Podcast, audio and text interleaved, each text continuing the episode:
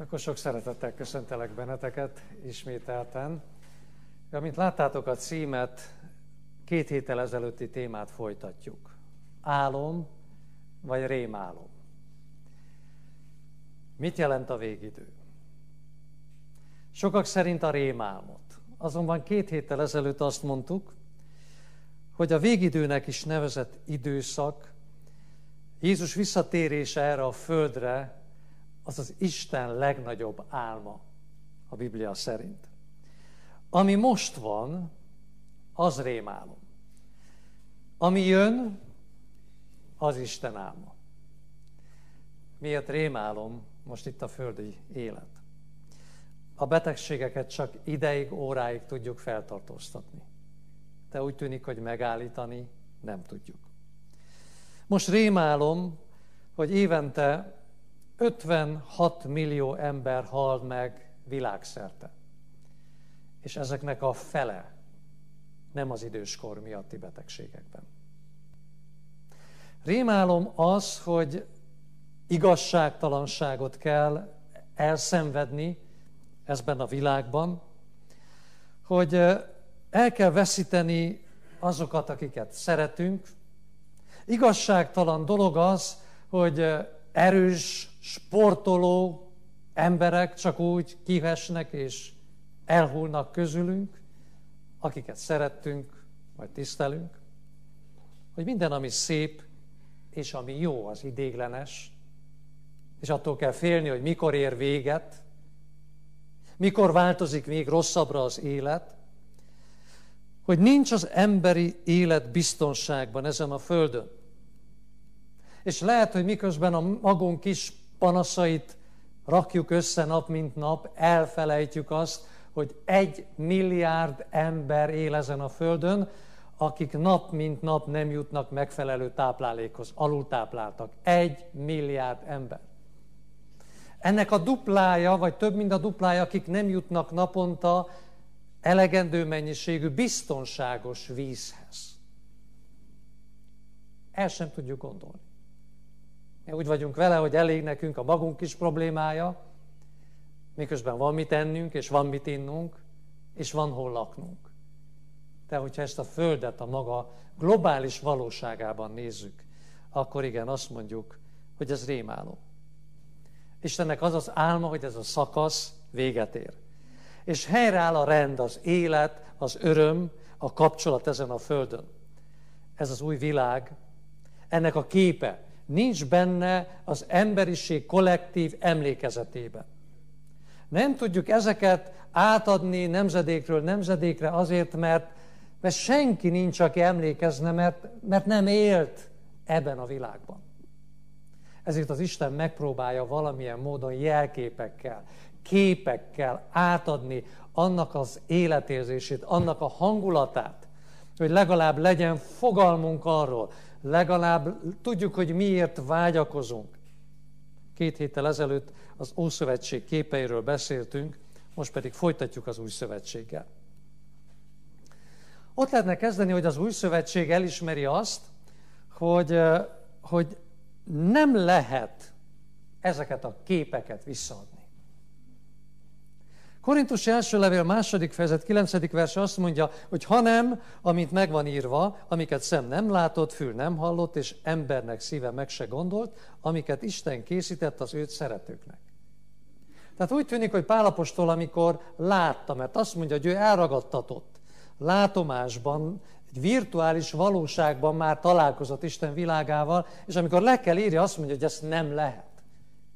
A meglévő képekkel nem tudunk visszaadni olyan látványt, amit nem látott senki, nem hallott senki, sőt az emberi agy képtelen a fantáziájából előhozni és összerakni. Ez érdekes, de egyben egy kicsit furcsa is. De még tovább megy ez a gondolat, és ebben van egy bátorító rész a tizedik versben. Nekünk azonban az Isten kijelentette az ő lelke. Tehát úgy tűnik, hogy van valami, amit mégis megérthetünk az Isten lelkének a világosságával. Mi pedig nem e világnak lelkét vettük, hanem az Istentől való lelket, hogy megismerjük azokat, amiket Isten ajándékozott nekünk. Nem tudom, hogy figyeltétek az ajándék kifejezés, az ajándékozás milyen igeidőben szerepel. Múlt időben. Tehát Pálapostól azt mondja, hogy azt nem lehet leírni, de az Isten lelke által képesek vagyunk megragadni azt, amit Isten már ide ajándékozott nekünk. Ő már múlt időben beszél erről. Ez az ajándékot ő már ide adta. Még nem látjuk, még nem tudjuk a maga valóságában megragadni, de ez már múlt idő. Az Isten már erről döntött.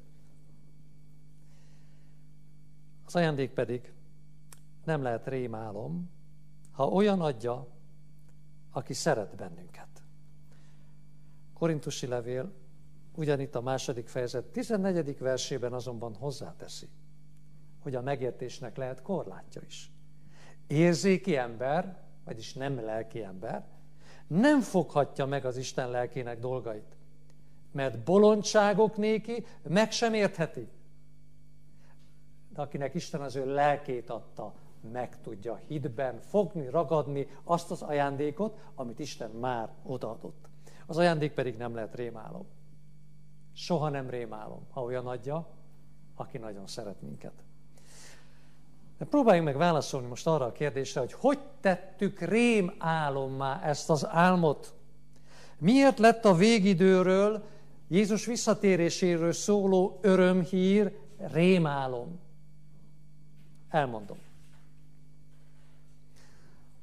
Van egy hölgy ismerősöm, akivel találkoztam. Megkérdeztem tőle, hogy hogy vagy még mindig egyedül? De azt mondta, igen, de készülök az esküvőre. Már nagyon közel van, minden jel arra mutat, hogy az idő elérkezett. Azt mondtam, hogy nagyszerű, mióta várok erre a híre, akkor boldog lehetsz. És mikor lesz?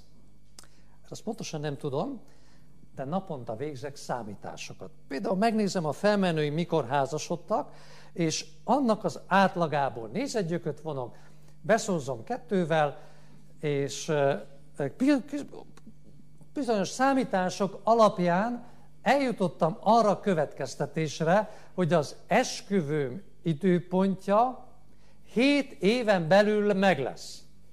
Hát, nem, hogy ez nagyon érdekes, még nem hallottam soha ilyen esküvői időpont meghatározást, de mondom, hogy te tudod, biztos tisztában vagy a dolgokkal, az a lényeg, hogy, hogy meg lesz az esküvő, és hogy készülsz rá. De tényleg készülsz az esküvődre? És azt mondja, hogy persze, hogy készültök az esküvőmre, építem a házamat. Hát mondom, te földlétedre házat építesz? És azt mondja, hogy igen, persze, tudod, én házasodom, ház nélkül nem lehet házasodni. Ha nincs teljesítmény, nem lehet esküvő, az idők megváltoztak, nagyok az elvárások, nem lehet csak úgy üres kézzel várni az esküvőt. Én szeretnék bizonyítani, hogy rátermet vagyok, tehát építem a házamat, mert nagyok az elvárások. No, ez minden. Így készülsz az esküvőre, hogy építesz házat. És azt mondja, nem, nem, nem teljesen, Pár napi tíz órát dolgozom, de minden nap időt szánok a képzésre. Képzésre? Miben képezed magad? Hát készülök az esküvőre. A legjobb párterapeutához járok. Hallgatom minden nap az előadásait. Elolvasom a legjobb házasságról szóló szakkönyveket. Tudom kívülről a vállási okokat, a házasság összes buktatóját, mindegyik pontra külön-külön stratégiát készítek, hogy hogy lehet ezeket elkerülni. Rendszeresen beszélgetek erről barátaimmal, hogy hogy lehet egy buktató, mentes, tökéletes házasságban élni. Na és az esküvő, Kérdezem, azon nem foglalkozol? Hát dehogy nem. Sokat gondolkodok az esküvő előtti készenlétről. Tudom, hogy nagyon nagy próbát jelent számomra, és a rokonság számára egy esküvő. Nem? Ti hogy gondoljátok? Igaza volt a hölgyismerősömnek? Egy esküvő óriási megpróbáltatás jelent. Hát olvasmányaimból tudom, hogy nagyon sok sértődés történik egy esküvői előkészületben. Kit hívsz meg, kit nem hívsz meg, ki mennyit segít, ki milyen ajándékot ad.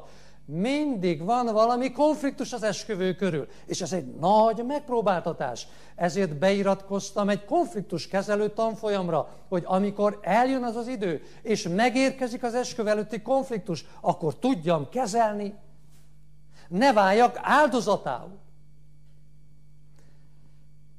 Arra is készülök, hogy a költségek miatt anyagi csődbe kerülhetek.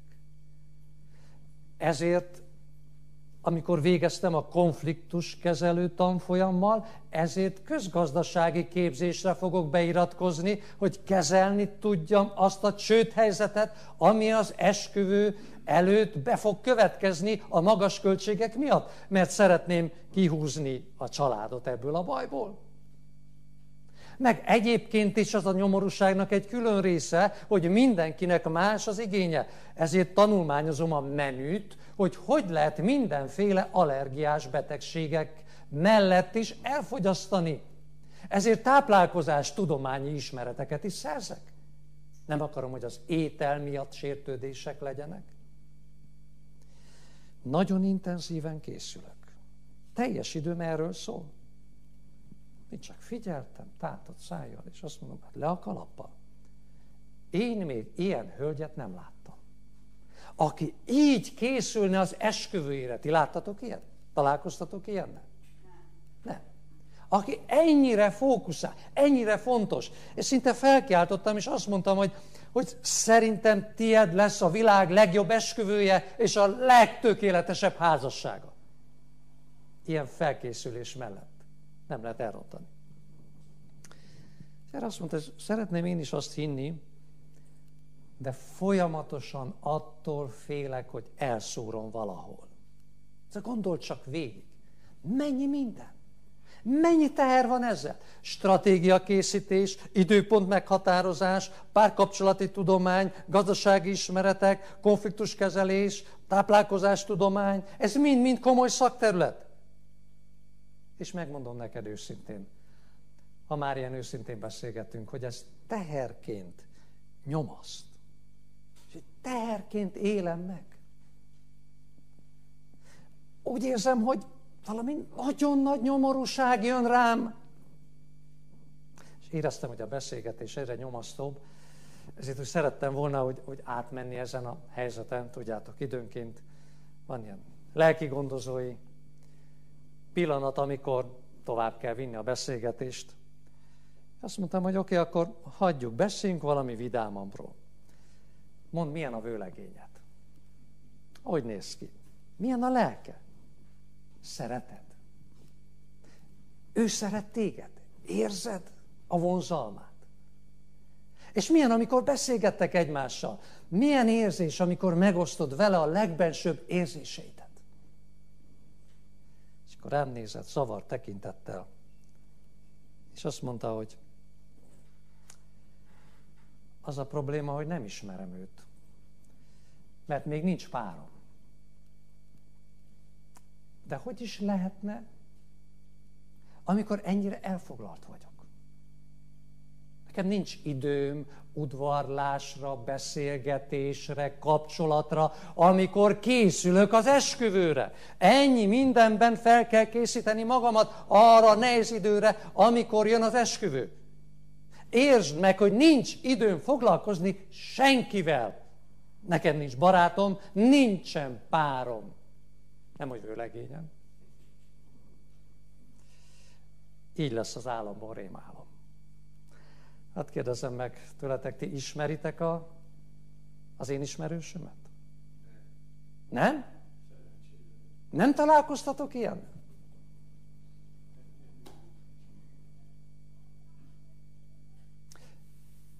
Mint nép nem ilyenek vagyunk. Mint adventváró nép nem ilyenek vagyunk. Mint végidő váró nép nem így nézünk.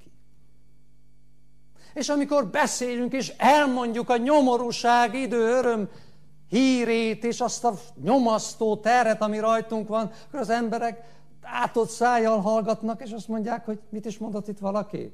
Hogy ilyen őrült nincs még egy. Igen, ezt mondják. Pontosan ezt mondják. Köszönöm szépen. Nem én mondtam, én csak visszaadom.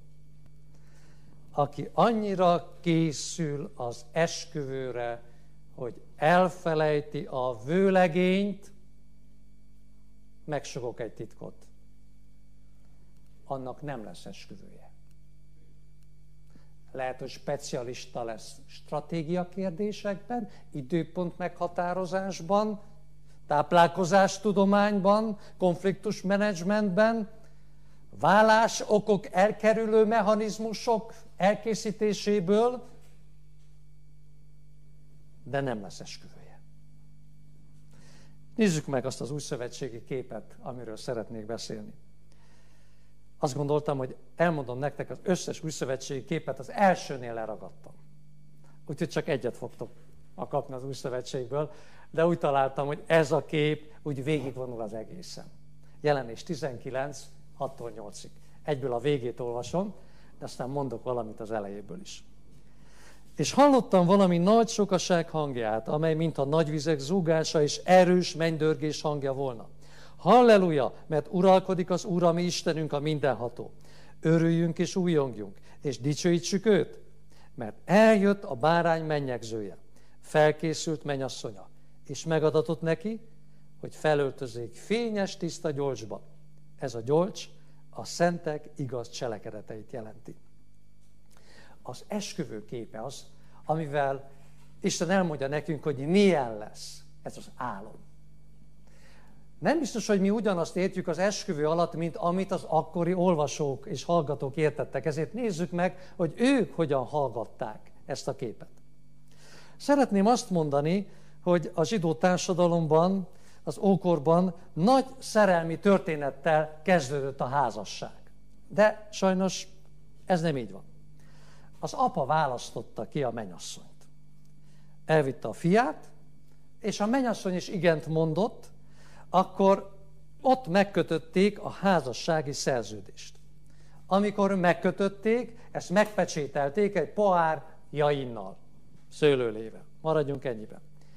A hozomány mértékében és a gazdasági rendelkezéseken túl az okirat tartalmazta a leánykérést és a vőlegény fogadalmát, amit szeretnék idézni. Légy a feleségem, Mózes és Izrael törvénye szerint. Eltartalak a zsidó férfiak szokásához híven, akik dolgoznak hitvesükért, megbecsülik, életemmel és minden mással ellátják őket becsületesen, gondoskodom szükségleteidről és a házas, házas életbeli kötelezettségeim teljesítéséről is. Nagyon szép. Gyönyörű. Mindezekből a sorokból kitűnik, hogy a zsidó fér feladata nem csupán az anyagi biztonság megteremtése, hanem a feleség egészsége, lelki-szellemi egyensúlyának biztosítása, és ez nagy dolog volt a köztudottan nagy létszámú zsidó családokban, ahol sokszor a szegénység miatt rendkívül nehéz volt még valakit bevonni az ellátási körbe, mert eleve népes volt a család. De amikor egy férj megházasodott, akkor ezt ígérte meg a feleségének. Óriási ígéret. Aztán a vőlegénynek fizetnie kellett a menyasszonyért. Onnantól a tulajdonává vált a menyasszony. És amit látjuk, nem volt ez egyenrangú kapcsolat. És ezzel nem azt akarom mondani, hogy a bibliai édeni modellt követte a zsidó társadalom, de amikor Jézus ezeket mondta, akkor ezt a tradíciót élték meg a hallgatók. Jézus nem minősíti ezt a tradíciót, hanem ennek az életképeit használja föl, amit ismertek, hogy elmagyarázzon valami olyat, amit még nem ismertek. A házassági szerződés nagyon kötött volt, erősebb, mint a mi eljegyzésünk. Része volt az is, hogy tisztán meg kellett tartsák magukat, egészen a házasságig, tehát a házasság a szerződés kötéstől egészen az esküvő napjáig. A vőlegény ajándékot adott a mennyasszonynak, azután eltávozott. Ez nagyon furcsa ez a történet. Miért távozott el? Mert csak ettől a perctől kezdve volt joga házat építeni. Mert most már van miért házat építeni. Csak úgy magának nem építhetett házat. Most attól függően, hogy, hogy milyen volt a birtok, lehet, hogy csak egy kis szobát épített a szülők háza mellé, vagy ha gazdagabbak voltak, akkor kettőt, vagy ha még nagyobban, nagyon, akkor hármat, és ha nagyon gazdagok voltak, akkor építhetett egy külön házat, de kötelező volt az apjának a birtokán megépíteni azt. Nem a fiú mondta meg azt, hogy készen van hanem az apa megnézte, és amikor az apa azt mondta, hogy fiam, ez tényleg jó, méltó arra, hogy asszonyt hoz ide, hogy a mennyasszonyt ide, az akkor volt készen. Hamarabb nem. És amikor készen volt, az apa azt mondta, hogy mehetünk. A vőlegény köré gyűltek a barátok, a rokonok, és elindult a hosszú menet a mennyasszonyi házhoz megfújták a sófát, és végig az úton fújták a sófát, hogy hallani lehessen, hogy a menyasszony házában jó előre hallják, hogy lassan közeledik az esküvői menet. És a készülődést, ami hát igazán nem állt meg, azt egy kicsit felgyorsítsák. Mert ez alatt a távollét ideje alatt, amíg a vőlegény a házat építette, addig a mennyasszonyjal több minden történt először is megváltozott a neve. Nem azt mondták neki, hogy menyasszony, hanem ha lefordítjuk a szót, azt jelentette, hogy áron vétetett meg. Mivel őt már megvették. Ezért így nevezték el. És a felkészülésnek része volt az, hogy hírül kellett adja mindenkinek, hogy ő menyasszony. Csak hogy a menyasszony még nem járt a vőlegény házán nem tudta, hogy szegény vagy gazdag. Nem tudta, hogy jólétben megy, vagy pedig luxus körülmények közé megy. Ezért nyilván minden lány miért, miből álmodozott és mit remélt? Hogy legyen jó dolga. Legyen gazdag, így van. Van nagyon jók a találataitok, rendkívül. Éber mindenki ugye hasonlók a szokások, nagyszerű. Igen, most már jobban értünk itt bizonyos fajta meglévő tradíciókat itt, igen. És honnan tudta a lány, a menyasszony, hogy lehet, hogy nagyon gazdag a vőlegényem? Honnan tudhatta? Egy idő után. Hát a hírak nem jutottak el, mert nem volt e-mail, nem volt posta, nem volt SMS, nem volt telefon, nem volt semmi. Elhúzódott az idő. És minél tovább tartott az idő, a mennyasszony annál izgatottabb lesz, wow, ez még annál is gazdagabb. Sokkal több idő telt el, mint a szomszédnak, tehát gazdag a vőlegényem. És az idővel nem, hogy a csalódása nőtt, nem, hogy kiégett volna, és nem, hogy azt mondta volna, biztos nem jön vissza, hanem egyre jobban örült, hogy micsoda lehetőségem lesz, milyen gazdag a vőlegényem. És mindenkinek hírül adta. A jó hírt, az örömhírt. A mennyasszonynak fehér ruhába kellett öltözni, amikor a násznép megjött, amit nyilván ajándékba kapott a vőlegénytől mirtusszal a fején kellett megjelenni a násznép előtt, hogy ezzel is bizonyítsa, nem érintette meg férfi. Csatlakozott a mennyasszony a rokonaival együtt a menethez, és az egész menet visszafordult a mennyasszony házától az apa, és most már a vőlegény háza fele.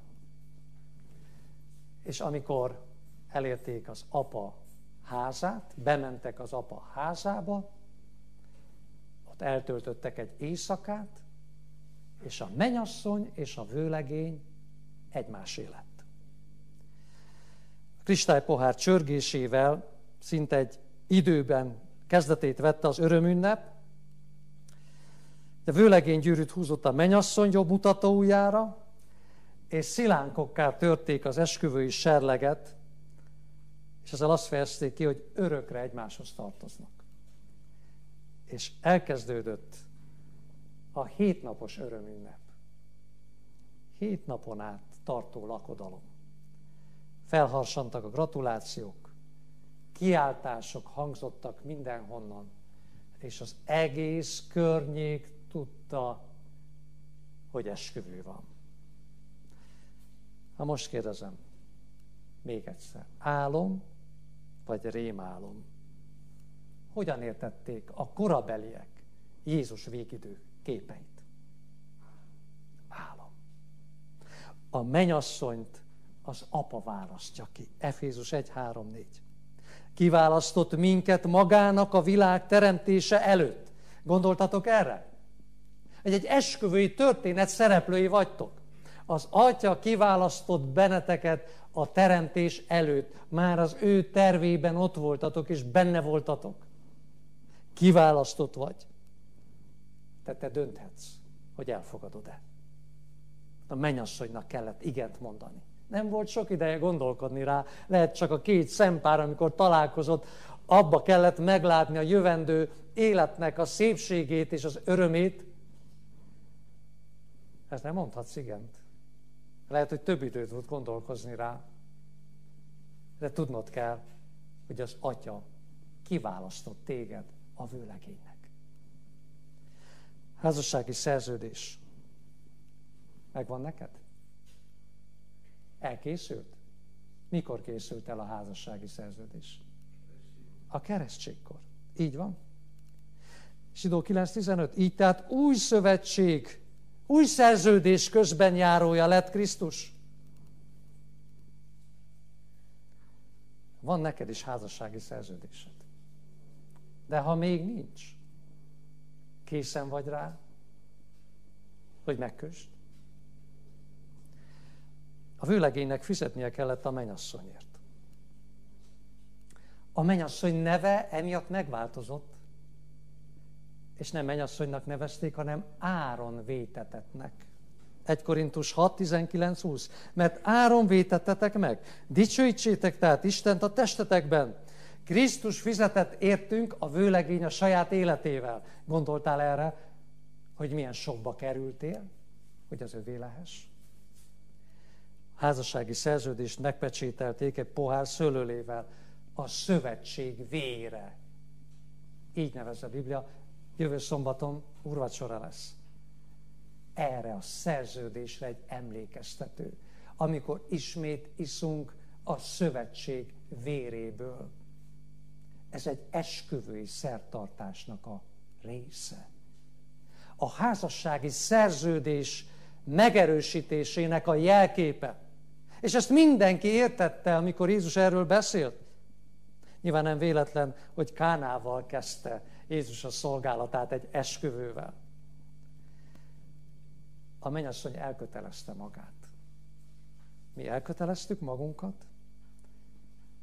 A vőlegény elment, és ezt talán nem mondtam, hogy amikor elment, ajándékokat adott a mennyasszonynak. Mondtam? Ajándékokat adott. A vőlegény, miután eljegyzett, elment, nincs itt, de hagyott ajándékokat. Egy nagyon nagy ajándékot is hagyott. Nagyobbat, mint amit akkor adtak egymásnak. Mi a legnagyobb ajándék, amit itt hagyott? Hagyott egy levelet, és az ő szent lelkét. Ami kipótolja azt, amit akkor nem lehetett, hogy tudjon kommunikálni egymással a mennyasszony és a vőlegény, mert akkor erre nem volt lehetőség. És azt mondja, hogy én nem hagylak titeket árvákul, én nem olyan vőlegény vagyok, mint más, hogy csak egyszerűen elmegyek, és azután vártok ki tudja meddig, és nincs kommunikáció köztünk. Nem, én nem hagylak titeket árvákul. Itt van a Szentlélek, aki képvisel engem, akin keresztül megértitek, hogy én mit szólok hozzátok, és rajta keresztül én is megértem, hogy ti mit mondotok nekem. Hagyok lelki ajándékokat, amivel közben szolgálni tudtok. A vőlegény készíti a, az új házat, az atya házában. János 14.2. Az én atyám házában sok hajlék van. Ha nem így volna, vajon mondtam volna én nektek, hogy elmegyek helyet készíteni számotokra? tanítványok pontosan jól értették, amit mondott. A vőlegény elment, hogy készítsen egy házat, ahová viheti a menyasszonyt. És megígérte, hogy visszajön a menyasszonyért. 14.3. És ha majd elmentem, és helyet készítettem néktek, ismét eljövök, és magam mellé veszlek titeket, hogy ahol én vagyok, ti is ott legyetek. Nem szép ez a történet? Jézus soha nem szekte meg a szavát. Addig dolgozott, amíg az apa azt nem mondja, hogy kész van. Máté 24.36. Azt a napot pedig, és azt az órát senki nem tudja, sem az ég angyalai, sem a fiú, hanem csak az atya egyedül. Értették a tanítványok? Értették a hallgatók? Persze, csak az apa tudja megmondani, hogy kész van. És amikor azt mondja, hogy kész van, akkor a vőlegény visszajön. És mindenki addig örömmel várakozik, mint a menyasszony. Ha telik az idő, nem fogy, hanem nő a remény. Annál biztosabb, hogy jó hely lesz, amit a vőlegény épít. És amikor közeledik a vőlegény, akkor megszólal a sófár. És ennek a hangja mindenki számára hallható lesz. Máté 24.31. És ő elküldi angyalait nagy harson a szóval, és összegyűjtik az ő választottait a négy égtáj felől, az ég egyik sarkától a másik sarkáig. És azután találkozik a vőlegény a mennyasszonyjal. És egyé válnak. is 19 hét. Örüljünk és újongjunk, és dicsőítsük őt, mert eljött a bárány mennyegzője, Felkészült a menyasszonya. És mi jön ezután? Egy hatalmas ünnepség. A világ egyetem legnagyobb partia, amit valaha elképzelt valaki, ami valaha is volt a legnagyobb.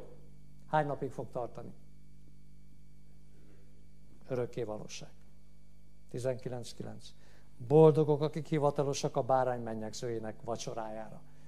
Az el nem bukott lények az angyalok, más bolygók lakói, mind hivatalosak lesznek a bárány mennyegzőjére, amikor a vőlegény találkozik az ő népével, a mennyasszonyával. Igen, nem csak hét napig tart. A gyülekezet, a mennyasszony fel lesz ékesítve, fel lesz öltözve a fogadására. Jelenés 21.2. Istentől felkészítve, mint egy menyasszony, aki férje számára van felékesítve. Felékesítve. Láttatok mennyasszonyt, aki nincs felékesítve? Én még nem láttam. 19.7.8 ezt erősíti meg. Örüljünk és újogjunk és dicsőítsük őt, mert eljött a bárány mennyegzője, felkészült mennyasszonya, és megadatott neki, hogy felöltözzék fényes, tiszta gyolcsba.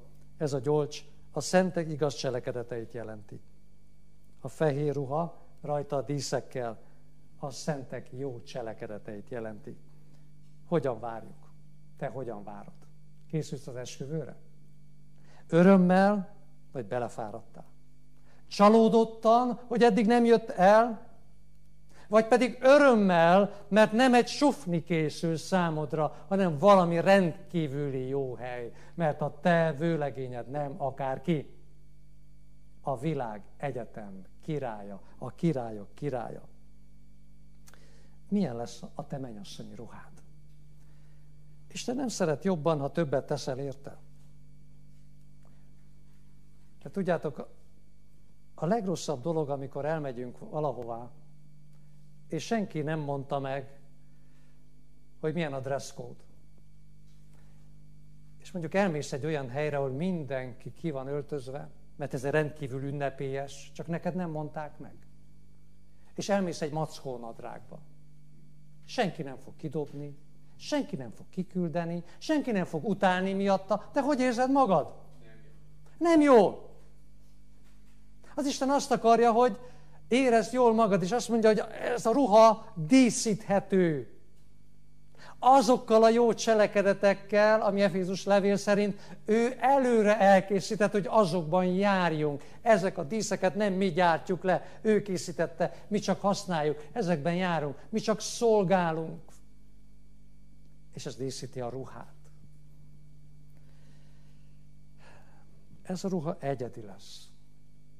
Csak rád jellemző. De mindenki fel fogja ismerni, hogy a vőlegényhez tartozol. Tudósok azt mondják, hogy nincs két egyforma hópehely.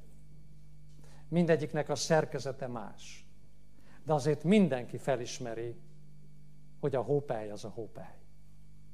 Isten minden gyermeke, minden ruhája, minden dísze egyedi és más, megismételhetetlen és különleges. De van egy közös. Mindenki felismeri, hogy a vőlegényhez tartozik. Nos, a mi vőlegényünk, a királyok királya. Igen, nem egyenértékű, nem egyenrangú ez a kapcsolat. De ő mindig hűséges lesz hozzánk. Soha nem fog csalódást okozni. Nem fog megcsalni, mindig szeretni fog. Ezt mondja Róma 8, 39. Sem magasság, sem mélység. Sem semmiféle más teremtmény nem választhat el minket Isten szeretetétől amely megjelent Krisztus Jézusban, ami Urukban. Tehát testvéreim, ha valaki esküvőre készül, jól teszi. Mindenféle felkészülésnek van értelme. De vőlegény nélkül nem lesz esküvő. Ezért a felkészülésnek a legbölcsebb formája az, ha a vőlegénnyel foglalkozol. Ha beszélgetsz vele. Ha megismered őt. Mert házat nem neked kell építeni a mennyasszonynak. A házat a vőlegény építi. Nem neked kell a teljesítménnyel kiérdemelned, mert a vőlegénynek a teljesítménye kerül a te számládra. Nem te készíted a ruhát, ő adja ajándékba, te csak benne jársz. Te csak élvezed ezt a készenléti állapotot. És egy dolgod van igazán, ez alatt. Elmondani mindenkinek a jó hírt, hogy neked van vőlegényed. Neked van jövőképed. Érted, visszajönnek